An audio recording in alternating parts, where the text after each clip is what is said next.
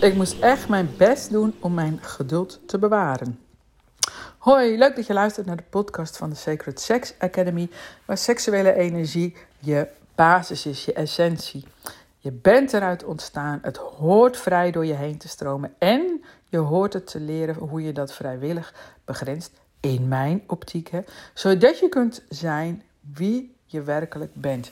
Een uh, bron van energie, van stuiterende energie, die je dan hebt te leren containeren. En, uh, en dat, dat leidt tot vreugde, tot zingeving, tot groei, tot een weldenkend mens en, uh, en vooral een gelukkig mens. Ook in je seksualiteit. Ja, nou, hoe ging dat nou bij ons? Ik moest echt mijn best doen om mijn geduld te bewaren. dat moet ik wel vaker hoor. ik ben best wel vaak een soort van ongeduldig typetje. Vooral als ik lekker, lekker in mijn ding zit, lekker bezig ben. En dan, uh, ja, dan, word ik, dan word ik gestoord, dat vind ik. Maar dat maakt niet uit. Dat is even een ander ding. Maar ook in dit geval, ik zal het zo vertellen, uh, moest ik mijn best doen om, om mijn geduld te bewaren. En uh, waarom dan? Nou, we hadden weer zo'n gesprek. Dus dan, dat is zo'n soort cyclus bij ons. En soms word ik, nou je hoort het al aan mijn stem, soms word ik daar ook een soort van niet goed van. Dan denk ik, kan het echt niet wat eenvoudiger? Ja, ja, het blijkt dat het wat eenvoudiger komt, kan. En uh, daar kwamen we aan het eind van dat gesprek achter. Maar het gaat een beetje zo. En dan zijn er eerst wat uh, afstandelijkere weken.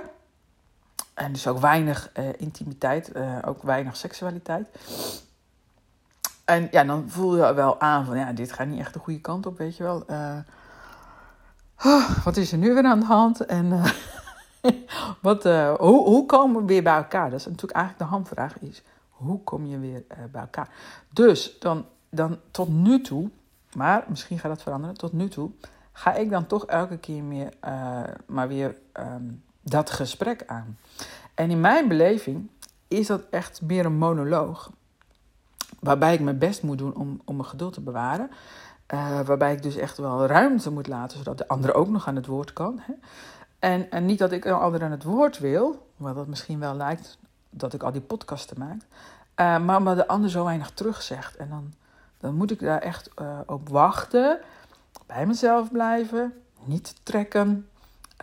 Maar wel vaak, ik moet vaak dan wel doorvragen. opties geven. Een samenvatting maken van wat er dan wel gezegd wordt. En dan vragen of het klopt. Dat blijkt dan vaak toch niet helemaal te kloppen. Dus dan moeten we weer even andere woorden vinden. Uh, maar, ik maak een sprongetje heen en weer. De volgende ochtend zei hij wel: Ja, ik heb dat gewoon af en toe nodig. Ja, wat dan? Ja, zo'n gesprek, zo'n cyclus eigenlijk.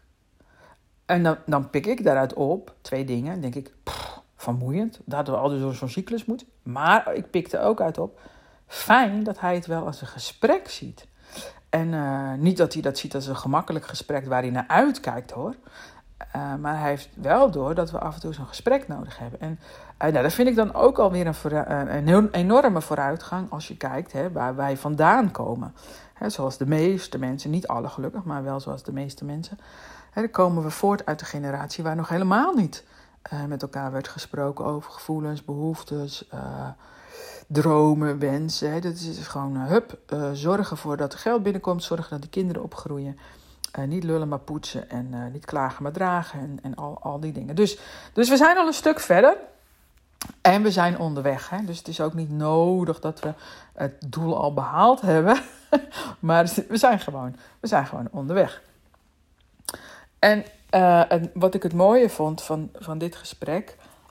is dat we op een veel diepere laag konden voelen hoe belangrijk het is het, eh, om eerlijk te zijn. Hè? Want je kunt je misschien voorstellen, zo'n gesprek is, is niet gemakkelijk uiteindelijk. Het is ook niet moeilijk hoor. Het is ook niet, moet het ook niet moeilijker maken dan dat het is. Maar het vraagt vooral om vertraging, geduld dus. Vertraging, luisteren, de ander proberen te begrijpen. De ander heel goed proberen te begrijpen. Dus dan moet je wel eens doorvragen, samenvatten bereid zijn om weer te luisteren wat die ander dan zegt. Want je samenvatting kan ook helemaal de plank misslaan. En um, nou ja, dat, uiteindelijk kom je een stuk verder.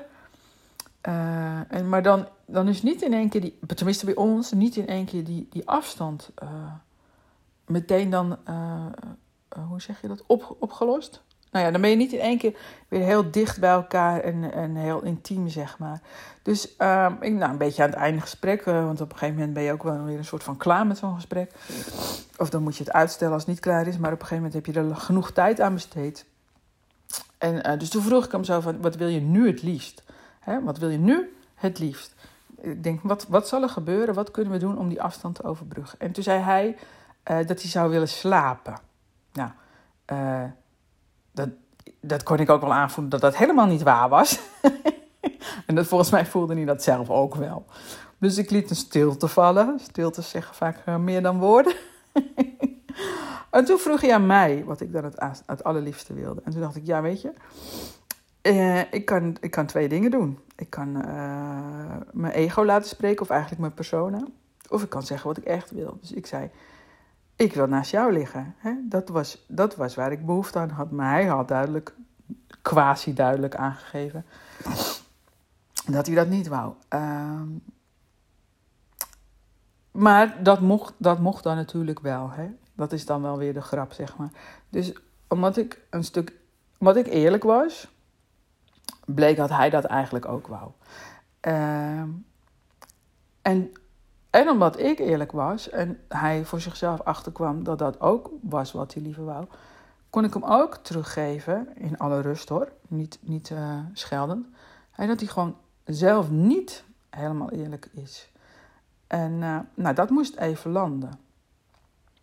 Want hij, hij dacht dat hij wel eerlijk was, hè, door eerst het een te zeggen en dan beter te voelen dan iets anders te zeggen. Dus dat, de, we gaan niet de discussie aan van was nou wel of niet eerlijk.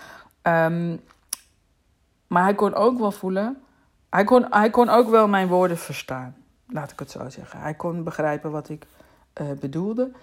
En, en dat heeft dus op een diepere laag voor gezorgd dat we nu eerlijker, vooral met onszelf omgaan. Want daar gaat het uiteindelijk om. Hè? Ik hoef niet eerlijker te zijn per se voor hem en hij niet voor mij. Het gaat erom dat als ik eerlijk ben naar mezelf en, en vanuit mezelf daarover communiceer, dat verandert iets in je relatie, in je leven. Uh, dat zorgt voor persoonlijke groei. Dat je voor bewustzijnsontwikkeling. Dat je echt steeds eerlijker durft te zeggen wat je wil, wat je nodig hebt. Niet in de veronderstelling dat die ander dat op moet lossen of moet fixen of voor jou moet doen, daar gaat het niet om. Uh, maar als je echt eerlijker wordt, dan zorgt dat sowieso voor meer uh, verbinding. En in dit geval, nou, ik heb net een heel verhaal verteld, dus je kunt eruit halen wat je wil. Maar vaak zijn we ook helemaal niet eerlijk over onze angsten. Bijvoorbeeld naar onze kinderen toe. Uh, hoorde ik ook weer een mooi verhaal. Ik was, ik was zelf op een leuke training en sprak ik iemand en uh, haar zoon had op een partij gestemd. Hè. Ik, weet niet wanneer je dit hoort, maar nu, wanneer ik het inspreek, zijn de verkiezingen net geweest. Op een hele andere partij waar zij op stemde. En uh, nou, daar kwam een hele discussie uh, bij hun. En ook, ja, dat, dat kind voelde gewoon een verwijt, een oordeel. Maar eigenlijk zat er onder een angst. Van, hè, die moeder heeft een angst. En dat vertaalt zich in een, oordeel naar de ander. Van waarom heb je nou op die partij gestemd? Bla bla bla bla bla. En dus niet, hè, dus niet vanuit jezelf vertellen van ik, ik ben bang dat. Nee, waarom heb jij? Ja, en dan, dan gaat het fout in welke relatie dan ook. Dus ook in je, in je liefdesrelatie, in je seksuele relatie. Dus ja, eerlijk zijn naar jezelf voelen in het moment. En dat naar elkaar uitspreken. En dan ook nog elkaar aankijken. Dat is ook wel handig. Is niet altijd even makkelijk. Soms, soms is het beter om dat even niet te doen. Maar dat is wel een, wel een mooie uitdaging. Hè? Niet verstoppen achter krant of tv kijken. Maar, maar echt in gesprek gaan. En, uh, maar dat is een grote uitdaging voor ons. Voor, voor heel veel mensen die ik ken.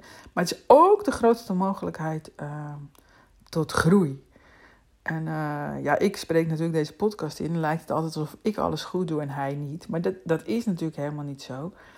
Um, ik neem wel wat vaker het voortouw. En dat vind ik niet altijd even leuk. Dus dan ga ik ook weer even in mijn slachtofferrol. Ehm, maar goed, dat heb ik ook terug kunnen geven. Hè, van, uh, dat was ook wel weer heel grappig, wil ik wel met je delen. dus de volgende ochtend spraken we elkaar ook weer even. Ik zeg, ik zeg nou, is toch fijn hè, dat, we, dat we erachter zijn gekomen dat we gewoon uh, wat, wat eerlijker moeten zijn, vooral naar onszelf. Ja, ja, ja. Ja, en dan, uh, ja. Hij zegt ja, maar mm, daarna ja, mm, komt een beetje klem. Dus dan zeg ik van, maar jij kunt ook uh, de volgende keer iets eerder aangeven als iets niet goed gaat. Ja, ja, ja, ja, ja. Ja, maar ik weet dat dan niet zo goed als. Ik weet het niet zo goed te verwoorden. Ik zeg, nee, dat snap ik. Ik zeg, maar dat hoeft ook helemaal niet, hè? Dan kun je gewoon zeggen. Uh, Judith, ik, uh, ik, ik voel dat er iets niet klopt. En ik weet niet zo goed wat er uh, niet klopt. En ik weet ook niet hoe, hoe ik het op moet lossen. Maar, maar er klopt iets niet. Zo'n zinnetje. Zoiets zinnetje. En, en toen zegt hij: Ja, ja, wacht, wacht. Dat, dat moet ik even opschrijven. Dat papiertje moet ik altijd bij de hand hebben. dat vind ik dan wel weer leuk. Dus een beetje humor helpt. En onder die humor zit natuurlijk ook een kern van waarheid. En ik hoop dat hij dat zinnetje onthoudt. En, want voor mij is het gewoon ook heel fijn als ik niet het gevoel heb dat ik alleen de verantwoording draag uh, voor een goede relatie. Hè? Dus we leven niet meer een eeuw of, of, of één of twee generaties terug. We leven in het nu. En in het nu gaan we anders om met elkaar en, en ook anders om met onze relatie. Moet onze partner al onze behoeftes vervullen? Nee, dat is een groot misverstand. Hebben we eerlijk te leren communiceren? Ja, ik denk dat we op dat gebied nog heel veel kunnen winnen, allemaal. En dat begint gewoon echt, ik kom er steeds weer op terug hoor, met beter leren voelen. Want hoe kun je nou eerlijk communiceren als je niet goed kunt voelen? En uh, dus, dus daarom heb ik ook een training beter leren voelen. Je zult mij daar nog vaak over horen. Het is echt een, een heel laagdrempelige training. Ook uh, echt goed betaalbaar, 50 euro. Krijg je daarna ook nog eens een waardebon van 50 euro. Om, om eventueel te besteden aan een volgende training. Dus dan heeft die training je helemaal niets gekost. Maar ben je wel in gang gezet. Komt er ruimte in je lichaam? Kun je meer voelen? En kun je ook eerlijker communiceren? Nou, leuker kan ik het niet voor je maken.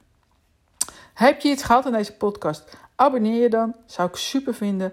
Want dan uh, groei, groeit dit podcastkanaal, zo noem je dat geloof ik, groeit organisch gewoon sneller. Dan heb ik een groter bereik, kan ik meer mensen helpen en uh, hebben we sneller een seksueel veilige, gezonde, stromende samenleving met allemaal vitale en gezonde mensen.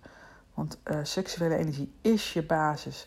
Als die niet lekker door je heen stroomt, word je uiteindelijk ook ziek en beroerd. En uh, nou, brrr. zo eindigen we niet. En um, ja, je mag hem natuurlijk altijd doorsturen naar iemand waarvan je denkt, die heeft wat aan deze podcast. En vind het leuk om mijn magazine uh, te lezen, maar ook om te verspreiden. Heb je bijvoorbeeld een vrouwencirkel of een mannencirkel of een uh, tennisclub of een yogaclub of een biljartclub? Neem gewoon een paar van die magazines mee. Deel ze uit. Super handig dat mensen meer hierover gaan leren.